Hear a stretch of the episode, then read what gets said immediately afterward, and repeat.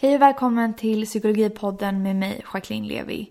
Psykologipodden, för er som inte har lyssnat tidigare, är alltså en podcast som är till för dig som vill lära dig mer om psykologi. Och eh, det här är alltså inte början på den andra säsongen, utan det här är två extra insatta avsnitt med tanke på terrordådet i fredags. Så att det ena av de här avsnitten kommer att handla om traumatiska händelser och de vanligaste reaktionerna hos vuxna. Och det andra avsnittet kommer vända sig mer till hur man kan bemöta barn och svara på deras frågor. Och i båda avsnitten så träffar vi två psykologer som är specialiserade på de här två ämnena. I det här första avsnittet så träffar vi Kristina Fischler och det är här det kommer vara fokus på vuxna. Ehm, vi pratar lite senare in i podden om behandling och Kristina pratar om evidensbaserad behandling. Och då vill vi bara framhålla att det hon talar om där är alltså behandling av just trauma och traumatiska händelser och inte behandling överlag.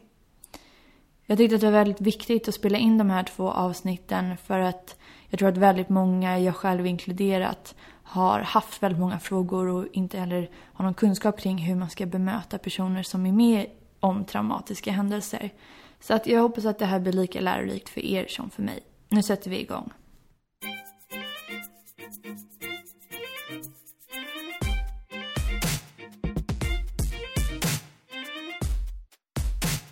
Hej och välkommen säger jag till dagens gäst Kristina Fischler. Tack. För de som inte vet, vem är du och vad jobbar du med? Jag är psykolog och jag jobbar med kris, trauma och jag jobbar med personer som har självskadebeteende och jag jobbar med en mängd olika diagnoser som ingår i psykisk ohälsa. Ja, och det är också anledningen till att du är här idag. Eh, det här är ju ett extrainsatt avsnitt med tanke på attacken som skedde i fredags. Och vi ska prata om just trauma och krishantering och sorg och så.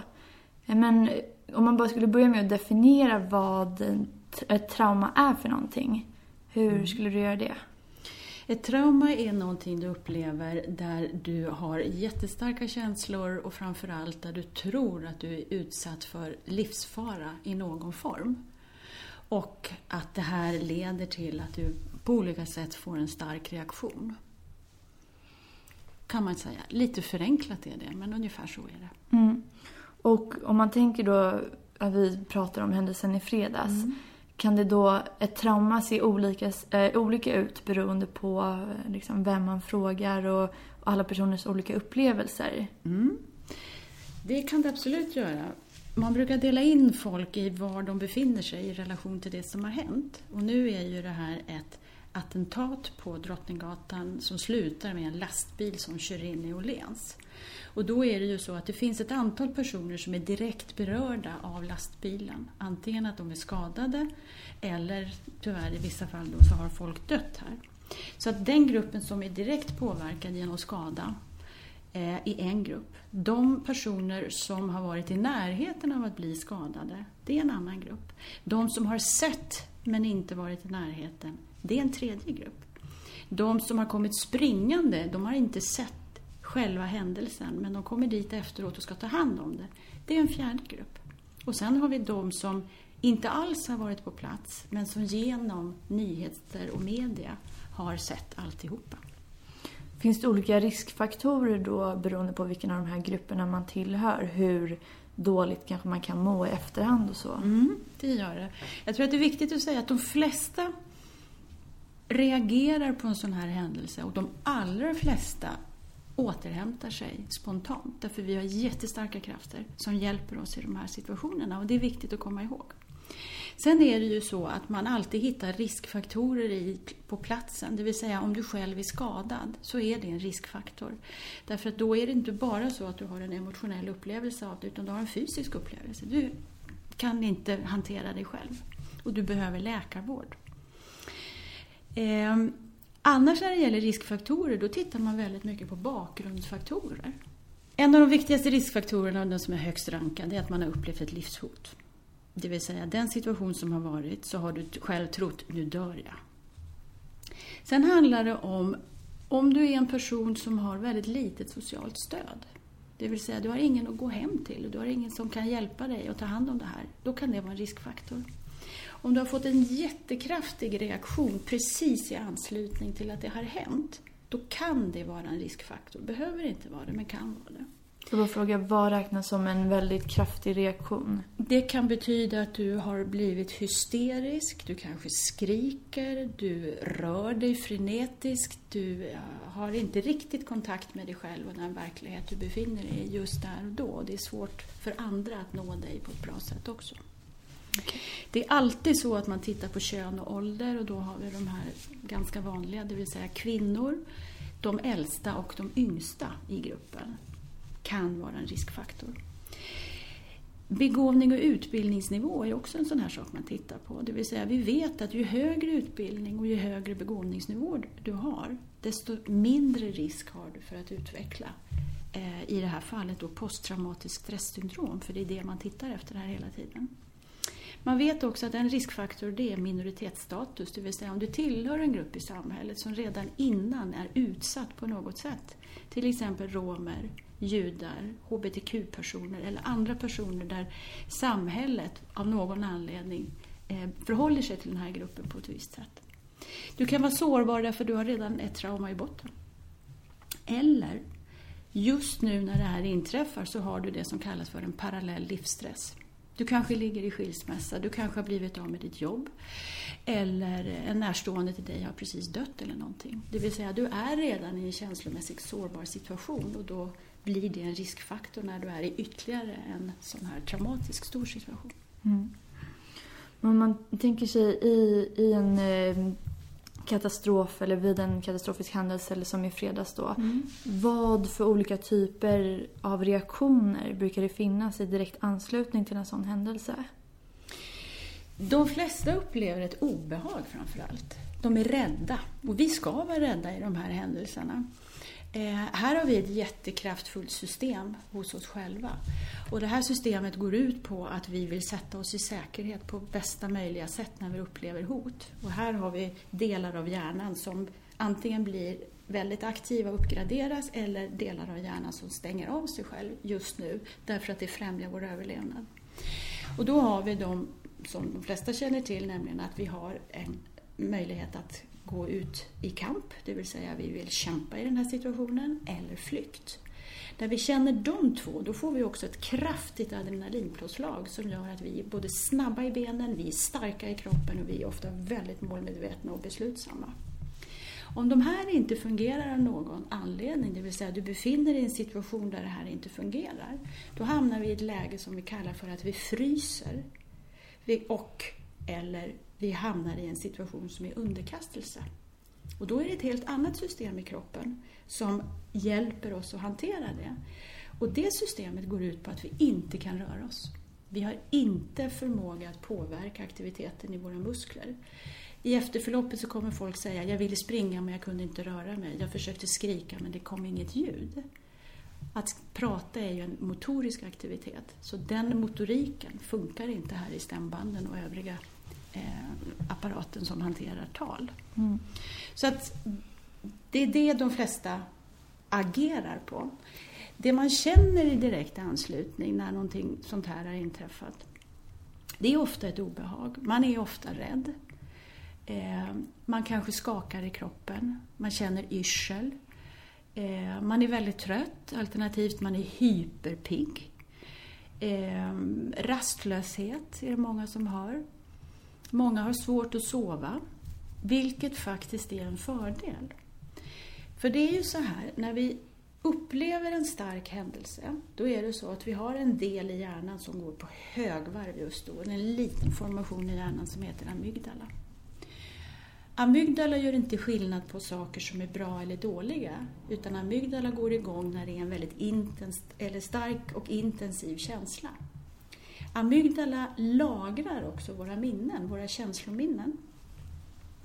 Och minneslagen går ju till på sådant sätt att en sak händer, sen har vi ett tidsfönster på några timmar, ungefär sex timmar brukar man säga, innan det hela lagras i våra celler, i det här fallet i amygdala. Om man i direkt anslutning till att någonting har hänt går och lägger sig, då är det ju så att vår hjärna fungerar så att vi lagrar våra minnen som bäst när vi sover. Så om vi somnar med en obehaglig händelse, ja då lagras den under djupsömn. Eftersom många då ofta sover dåligt direkt i anslutning till det här så är det rätt bra för det betyder att minnesfunktionerna lagras inte så effektivt. Och det är mm. till vår fördel. Mm. Det som man ska undvika det är att till exempel gå hem och ta en sömntablett och tänka åh, en god nattsömn stärker mig. Och i just det här fallet, det första dygnet i anslutning till en sån här händelse, då ska man undvika det. Mm. Men en annan sak som jag har tänkt på, för att många vet ju vad första hjälpen är, kanske mun mot mun-metoden eller eh, ja, hjärt och lungräddning. Men det finns ju också någonting som heter psykologisk första hjälpen. Mm. Vad är det för någonting? Psykologisk första hjälpen är ett dokument. Det skapades i USA inom deras traumatiska eh, forskningsenhet. Den finns översatt på svenska och då är det Kunskapscentrum för katastrofpsykiatri som har översatt den. Det är en forskningsenhet som ligger i Uppsala, direkt underställd Socialstyrelsen. Och de äger delar av den här frågan, hur man ska hantera eh, den här typen av stora katastrofer. De gör det inte ensamma utan det finns andra enheter som också är inblandade i det. Det här dokumentet är, innehåller anvisningar på hur man bör förhålla sig till den som har varit i en svår situation. Till exempel ge information. Det här har hänt. Se till att personen kommer i säkerhet. Se till att den här personen får information om naturliga reaktioner i samband med ett trauma. Se till att den här personen kommer till ett, en plats där man inte exponeras för det som är obehagligt. Se till att personen får kontakt med sina nära och kära. För det vi vet är att det viktigaste det är att få komma tillbaka till sin hemmiljö och där få vara med de personer som man tycker om och där återgå till så normala rutiner som möjligt. Det vill säga göra det man brukar göra. Laga mat, umgås med barnen, eller om man är barn, umgås med sina föräldrar. Gå ut med hunden. Eh, titta på TV. Sen kan det här vara komplicerat därför att man i just det här skedet störs av en massa minnesbilder. Och då i första hjälpen så får man reda på hur man kan hjälpa sig själv med det här. Det vill säga, vad gör jag om jag känner att det blir ett tryck över bröstet och jag har svårt att andas? Jo, du sätter dig och djupandas. Vad gör jag om jag känner att jag inte riktigt kan orientera mig? Jo, du talar om för dig själv. Nu ska jag tala om tre saker som jag ser omkring mig just nu. Jag ser dig, jag ser en flaska, jag ser en mikrofon. Tre saker jag hör. Ja, jag hör bilar, jag hör eh, kanske en fågel, eh, jag hör när någon knäpper med fingrarna. Någonting sånt. Och det här det gör man ju helt enkelt för att stabilisera sig själv och vara kvar här och nu så stor, i så stor utsträckning som möjligt. Så psykologisk första hjälpen, det är verkligen hands-on. Och det står väldigt utförligt hur du kan göra för att hjälpa den här personen på bästa möjliga sätt. Så det handlar, det låter som, lite om att förlägga fokus utanför sig själv. Mm. För det känns som att det är vanligt att man blir självupptagen, det kanske låter negativt, men att man mm. blir väldigt eh, intro i sådana här situationer. Det är jättelätt att bli intro. Man är upp, upptagen av vad man har upplevt. Det kan vara så att man har minnesbilder som kommer. Och de kommer inte alltid direkt, utan de kan komma dagen efter. Just det här, man har kommit hem, man har sovit, man har umgåtts med några och sen kommer plötsligt ett obehag över en. Och då ska man också vara på det klara med att det är helt naturligt. Och det är då man får vara snäll mot sig själv. Mm. Ta hand om sig själv på bästa möjliga sätt. Under de här dagarna direkt i anslutning till att en sån här sak har hänt så bör man tänka på att inte utsätta sig själv för press. Det vill säga, man kanske inte ska jobba jättehårt. Man kanske inte ska göra det som är svårast. För oftast är det så att man får en viss minneslucka. Man kanske börjar kasta om bokstäver. Man glömmer de här koderna, det vill säga det som är vårt korttidsminne eller arbetsminne fungerar inte så bra som det brukar. Och då ska man inte tvinga sig själv till att klara av de här sakerna. Utan har man en möjlighet att sänka arbetstempot, att kanske vara hemma eller en halv dag vara hemma eller att gå en lång promenad, göra någonting utöver det vanliga som får mig att må bättre. Mm. Så ska man göra det. Man ska vara snäll mot sig själv de här dagarna. Mm. Mm. Jo, du nämnde kort att, um, att det är ganska vanligt med minnesbilder och kanske ljud, tänker jag. Och speciellt kanske med tanke på attacken då i fredags. Mm. Att utöver själva känsloupplevelsen så i efterhand känns det som att många har minnesbilder, eh, får flashbacks, kan höra skrik. Yep. Hur, eh, hur ska man hantera det via den här psykologiska första hjälpen? Minnesbilderna, eller flashbacks, de kommer och går. Och här handlar det om att försöka hjälpa sig själv att avleda sig själv under den här eh, tiden som man får den här minnesbilden. Och då gör man det lättast genom att göra någonting som är ganska ansträngande för en själv. Det vill säga, du kanske ska lägga ett pussel. Du kanske ska eh, spela Tetris. Jag ska komma in mer på Tetris sen för det är ett väldigt intressant eh, experiment som har gjorts där och studier som har gjorts på det. Du kanske ska laga mat, någonting som du inte har lagat förut så att du måste läsa i receptboken. Någonting som gör att du måste vara uppmärksam på någonting annat under en tid. Mm. Det är bra. Okay. Mm. Kan man få tag på de här riktlinjerna för psykologisk första hjälpen på Kriscentrums hemsida eller vet du om det går? De finns, om man söker på det på nätet och, och eh, söker just på eh, psykologisk första hjälpen. Okay. Då får du upp den här. Okay. Den finns också på Kunskapscentrum för katastrofpsykiatris hemsida, kckp.se. Okay. Ehm, den finns på fler ställen också. Jag vet att det är väldigt många myndigheter som använder den här. Ehm, jag har skickat den till hundratals olika verksamheter runt om i Sverige. När jag är ute och föreläser så får de alltid den här. Och vi är rekommenderade att använda oss av den i bemötandet av personer som är i kris. Till exempel en POSOM-grupp som är en grupp som kommunen tillsätter i anslutning till att det har hänt en sån här sak. Frivilliga personer som är som krisstödjare helt enkelt. Så oavsett om man då talar om psykologisk första hjälpen eller någon annan typ av hjälp i det här tidiga skedet. Vad är målet med sådana typer av insatser? Mm. Det är ju framförallt att försäkra och förstärka känslan av säkerhet. Det är en av de viktigaste sakerna. Du är i säkerhet nu. Vi gör vad vi kan. Att lugna en person, det är jätteviktigt. Och att lugna en person, det handlar ju också om att hjälpa den här personen att nedreglera sig själv. Om man är väldigt upprörd.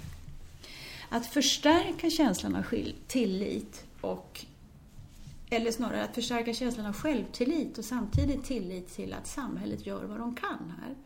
Det vill säga, i det här fallet då polis, brandmän, säkerhetsvakter, ambulans, sjukvårdspersonal. Här var det ju så att på nolltid så stod det klart att det gick att lita på samhällets insatser. Och det här är jätteviktigt för den person som är utsatt att förstå att jag är i goda händer. Det handlar också om att understödja samhörighet, det vill säga att koppla ihop personer med dem de behöver vara med.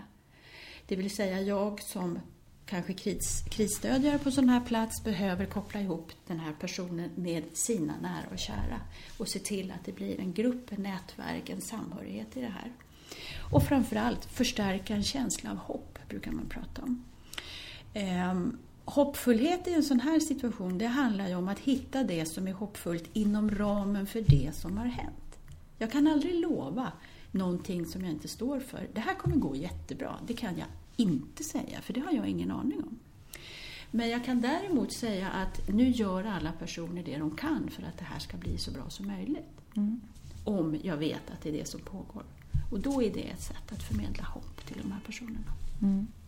Jag kan tänka mig att även fast det är antagligen är väldigt, väldigt svårt i en sån här situation och många andra traumatiska situationer.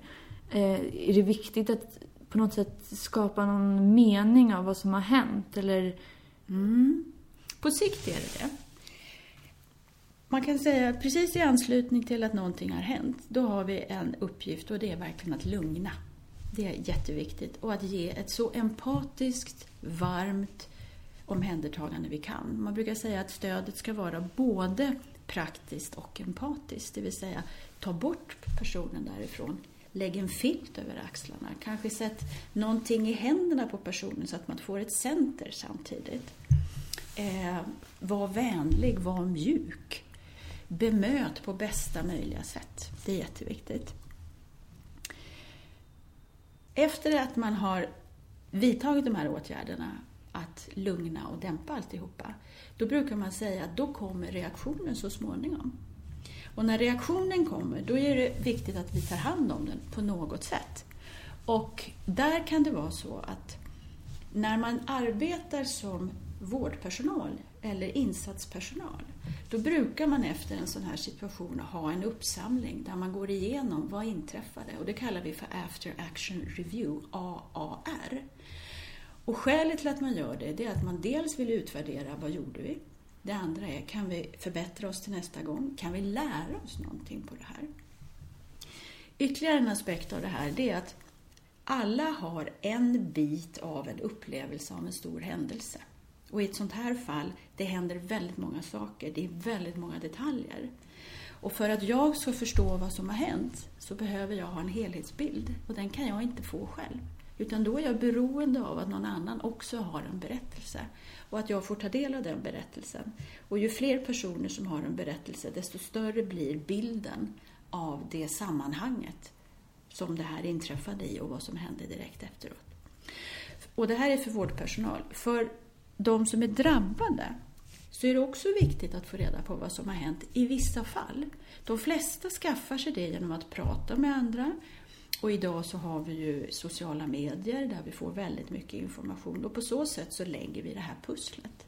Och naturligtvis eh, eh, vanliga traditionella medier, de är ju urviktiga här för de har ju en uppgift att bistå med information så att vi ska förstå det hela. Så att ja, det är viktigt att få ett sammanhang och en begriplighet i det som har hänt på något sätt. Mm. Och när skulle du säga att det behövs professionellt stöd mm. för en person som har på något sätt upplevt ett trauma? Mm. Då är det så här att de flesta som har varit i ett trauma, precis i anslutning till det, om man gör en så kallad screening, det vill säga att de får besvara ett antal frågor, då får man ofta ett väldigt högt, en hög siffra, en högt värde, vilket betyder att man är väldigt upprörd och man har reagerat starkt. För de allra flesta människor så klingar det här av.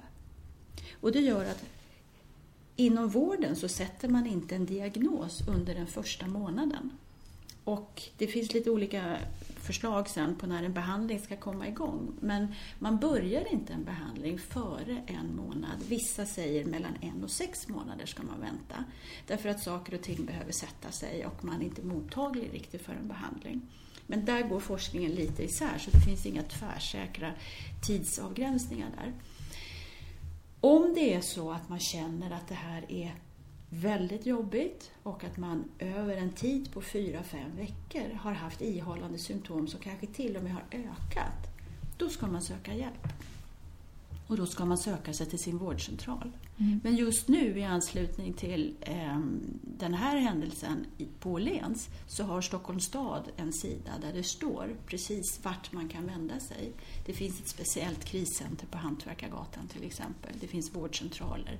Det finns sjukhus som har öppnat upp för psykologisk eh, krisstöd och så vidare. Okay. Röda Korset. Mm. Mm. Men kan man säga, det, det låter i alla fall som att en krisreaktion är en process. Här finns det ju en process. Och den här processen brukar man också dela in i, i lite olika tidsangivelser. Så att direkt i anslutning till att någonting har hänt, då reagerar du kraftfullt. Efter ett tag, och det här med efter ett tag, det vet vi inte riktigt när det är, utan det beror väldigt mycket på händelsens art också.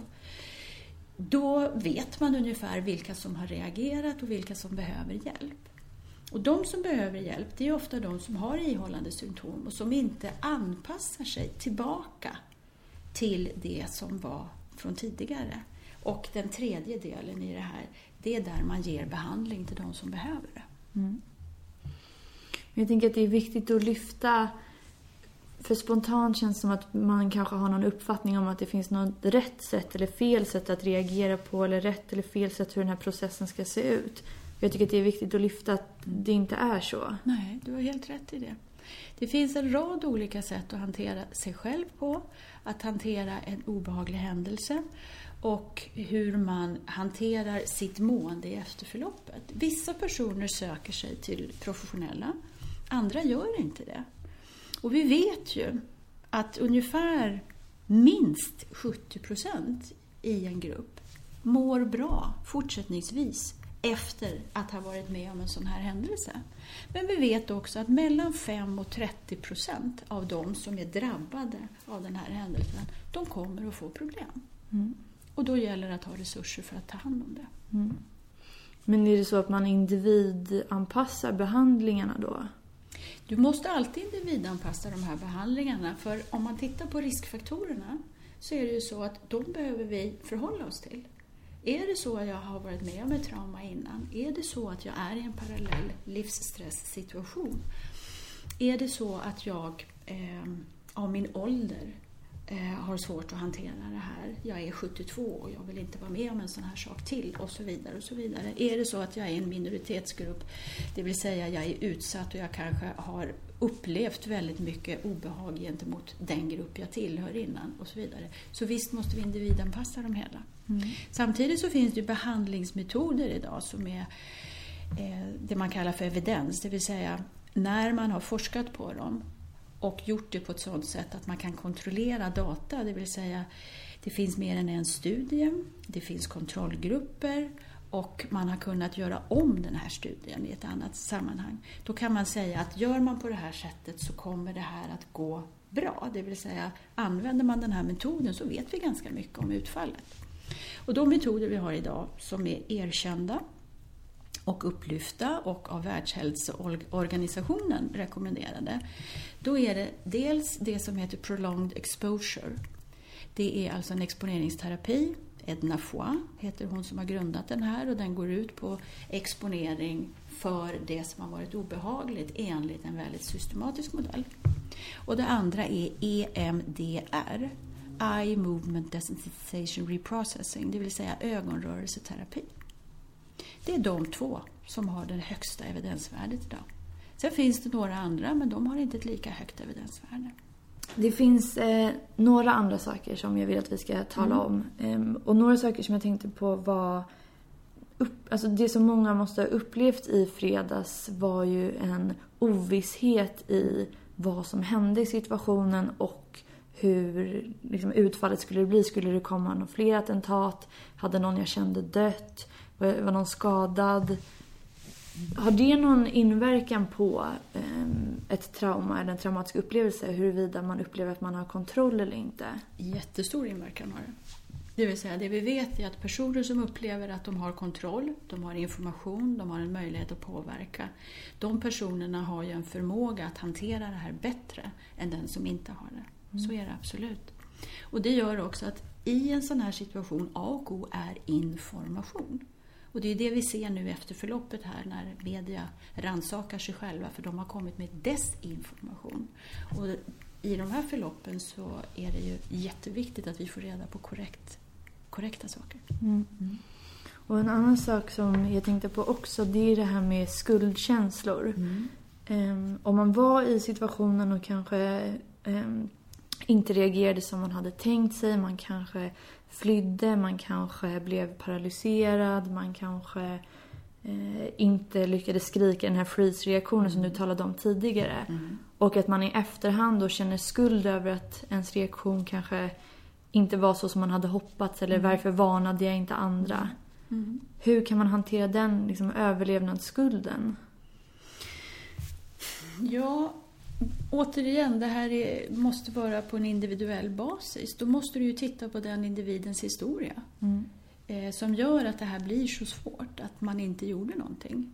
Eh, vi är alla olika i de här situationerna och vissa människor har sprungit raka vägen ut ifrån Åhléns, gatan rakt fram, har sprungit genom hela stan för att komma hem. Jag har hört sådana historier nu under de här dagarna sedan det här inträffade. Och det har de ju gjort därför att de var tvungna att göra det. Vi ska komma ihåg att väldigt många av dem som faktiskt stannade kvar, vi får ju jättefina rapporter här om personer som har hjälpt till på platsen väldigt mycket.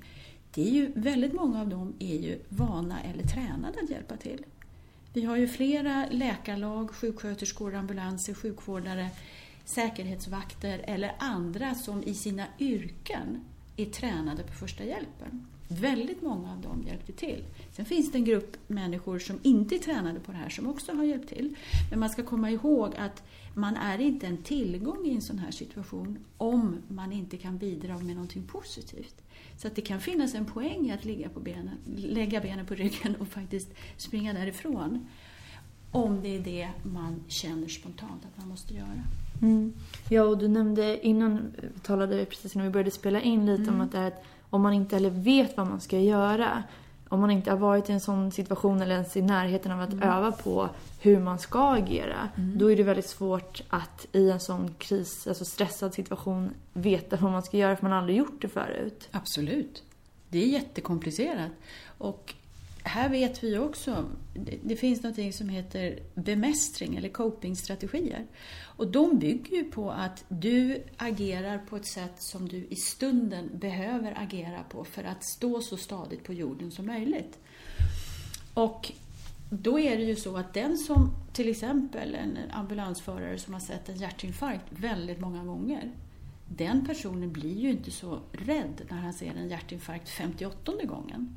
Men den personen som aldrig har sett en hjärtinfarkt utan står inför det för första gången och inte har någon utbildning, för den personen blir det oerhört mycket mer obehagligt. Mm. Så så är det. Så vi lär oss hela tiden. Och genom att vi lär oss och övar på vissa saker så är vi också säkra på att i den här situationen så vet jag vad jag ska göra. Mm. Och då gör man det. Mm. Så våra bemästringsstrategier, de är ju väldigt subjektiva. Mm. Och då är det ju så att vi har en annan sak här som är väldigt intressant, nämligen vi har någonting som vi kallar för att det finns ett före, under och ett efter när det gäller traumatisering. Och det är en tidslinje. Det vill säga innan traumat på Åhléns här nu, så är det ju så att om jag går dit och så händer det någonting, ja då har jag ju hela min livserfarenhet med mig i bagaget. Och allting som jag har övat på i mitt liv, det är det som börjar dra igång där och då. Så det är det jag använder som tolkning när det här inträffar. Under, det vill säga det händer, det smäller, jag ser alla de här sakerna. Då är det ju så att jag är i den här traumatiska händelsen, den pågår. Och då kan man säga objektivt så finns det ett sätt att beskriva den, i det här fallet terrorattack i Stockholm på Drottninggatan. Där använder jag mig av mina subjektiva bemästringsstrategier. De kom ju från min tidslinje innan. Den reaktion, jag får en reaktion här och det finns något som heter skyddsfaktorer och riskfaktorer och de är också subjektiva och de hör till den specifika situationen. Så vad det är som är skyddsfaktor och riskfaktor i de här situationerna, det varierar. Sen kommer det det som vi kallar för efteråt. Och om vi tittar på det som har hänt här i Stockholm nu så tycks det som att efteråt är ingen jättetydlig gräns. För väldigt många som var i den här situationen, till exempel som blev påverkade alternativt som hjälpte till och som jobbade i de här områdena, de fick gå in på sina arbetsplatser, affärer och kontor med en ganska stor omnejd runt Åhléns. Så att de fick vara kvar på sina arbetsplatser till någon gång mellan sju och tio på kvällen. Och sen tog de sig hem. Så efteråt för dem, det är ju när de kommer hem. Så traumat börjar cirka 15 och för dem så slutar det någon gång där vid 21-22 på kvällen. Mm. Efteråt, ja det är då det kommer det här med reaktionen. Och då vet vi att ungefär, som jag sa, minst 70 procent återhämtar sig relativt enkelt med egna resurser eller genom att få stöd att få fatt på sina resurser. Och så vet vi att den här gruppen, 5-30 procent, blir traumatiserade. Mm. Så före, under och efter, det är en väldigt viktig distinktion i det här också. Ja, för när man pratar om återhämtning och hur väl man eh, klarar sig, eller hur man ska säga, utan alltför allvarliga bestående men. Då brukar man ju tala om ett begrepp som heter resiliens. Mm. Eller resilience, jag vet inte mm. ens om det finns på svenska. Vi säger motståndskraft, men okay. resilience ja. eller motståndskraft. Ja. Vad är det för någonting? Oh, det är ett av mina favoritbegrepp faktiskt. Och det fantastiska med det här, vi har lånat det här begreppet från fysiken. Och I fysiken så betyder det materians förmåga att återgå till sin ursprungliga form efter upphettning eller nedkylning. Och det är ungefär så det fungerar för oss människor också. Man kan säga, du vet den här leksaksdockan med bly i botten och så upp till så brukar det vara en clown.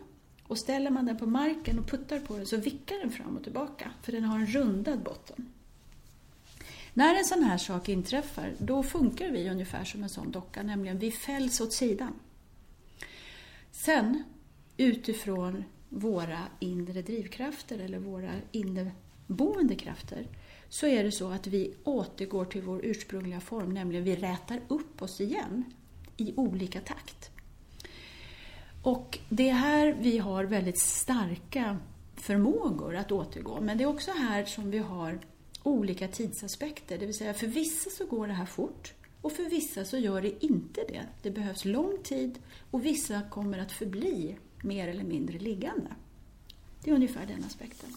Det vi vet är att personer som har en god kommunikationsförmåga och som har tillgång till positiva känslor och till och med humor som har en förmåga att ta emot och ge uppskattning och som bryr sig om andra, det där man kallar för altruism. Om man har den förmågan, då vet man att de personerna brukar ofta kunna återgå till sin ursprungliga form relativt okej. Okay. Mm.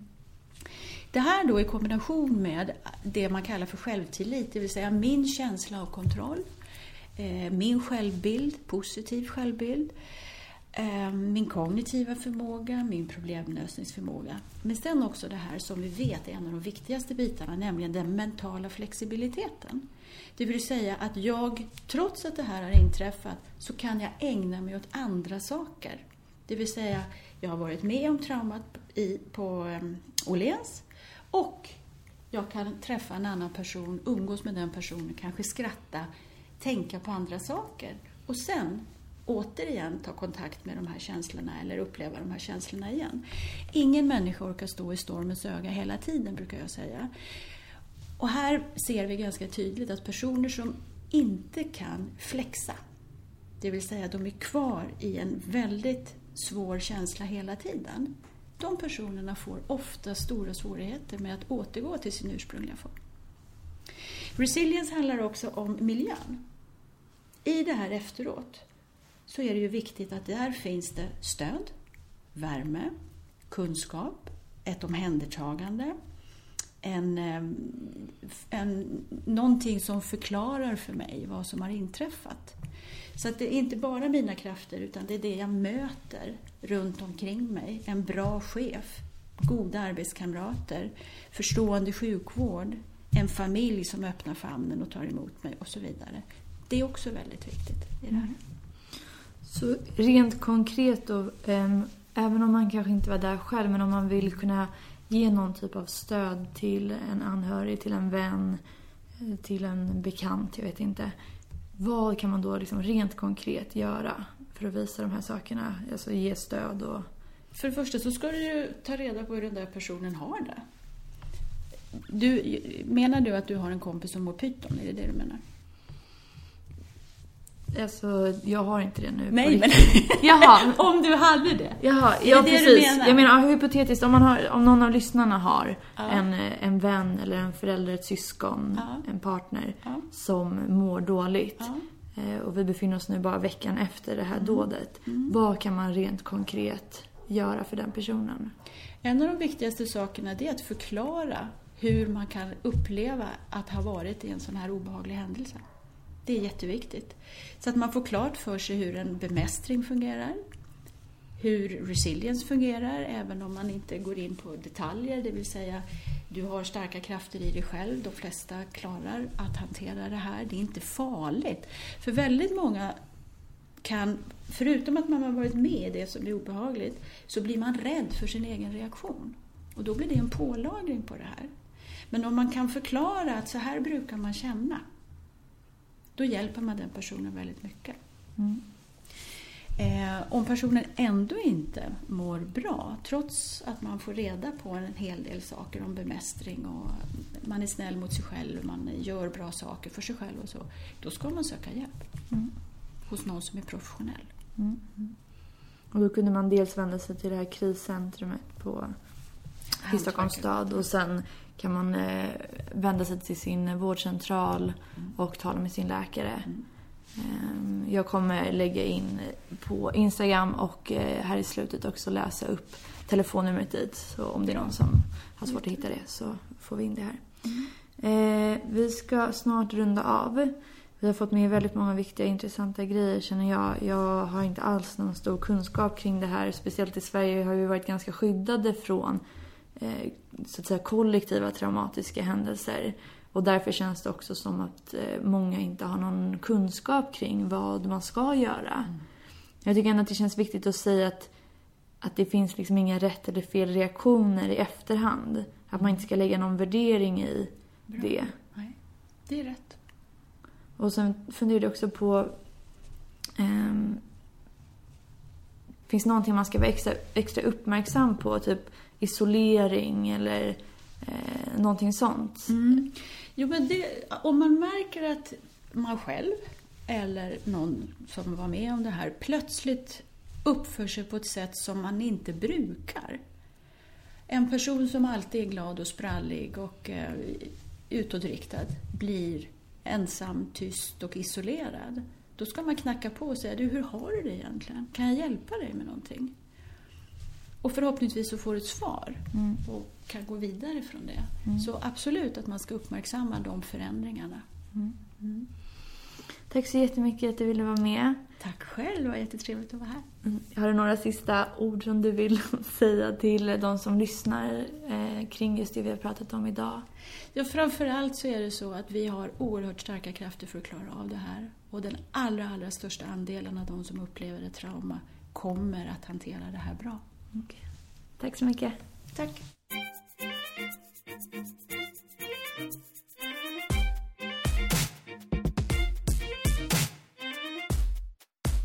Tack Kristina och tack alla fina lyssnare som har varit med oss idag. Jag hoppas att ni liksom jag har fått svar på många frågor. Kristina återkom inte till Tetris för er som uppmärksammade att hon talade om det tidigare. Men eh, hon bifogade lite information till mig så här efterhand som hon ville att jag skulle dela med mig av till er.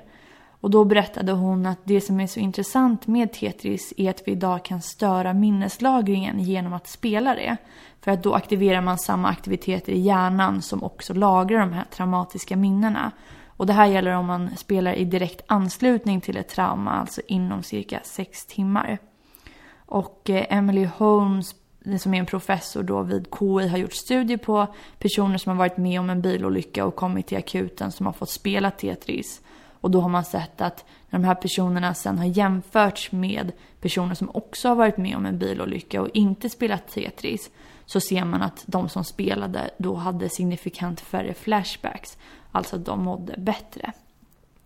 Sen så var det ju även så att jag lovade att återkomma om vart man kan vända sig för att få hjälp. Jag vet att det är många som säger sök hjälp och så vet man inte alls vart man ska vända sig. Men några förslag, det här är absolut inte alla ställen då, men några förslag på ställen där man kan vända sig. Det är till exempel Stockholms stad har då upprättat ett kriscentrum. Det hittar ni om ni går in på stockholm.se så finns det en flik där till höger som, där det står krisstödcentrum. Ni kan även gå in på bup.se. De likaså har väldigt mycket information kring Eh, hur man kan tala med sina barn och hur, vad man kan vänta sig i samband med en sån här hemsk händelse. Eh, det finns även en chatt på BUP där man kan få tala med en psykolog. Sen så tipsade även Kristina om en bok som heter Krisstöd vid olyckor, katastrofer och svåra händelser som är skriven av Sara Hedrenius och Sara Johansson. Och så finns det även en bok som heter Barn och trauma som är författad av Atle Dyregrov. Sen finns det även en amerikansk hemsida, N, Niklas, C, Karl, T, Tor, S, Simon, N, Niklas.org. Lilla Aktuellt har haft ett klotterplank som finns kvar på barnkanalen.se. Sen kan man ringa till eh, Vårdguiden såklart, 1177. Eh, och där kan man få råd kring var man ska vända sig. Man kan vända sig till sin vårdcentral, till sin husläkare. Man kan vända sig till BRIS på nummer 116111. Man kan vända sig till Rädda Barnen. Eh, och man kan ju såklart vända sig till nära och kära. Så ja, jag vill tacka för idag. Även om det var ett tungt ämne att avhandla så känns det viktigt. Må så gott alla fina lyssnare. Vi hörs snart igen. Puss och kram.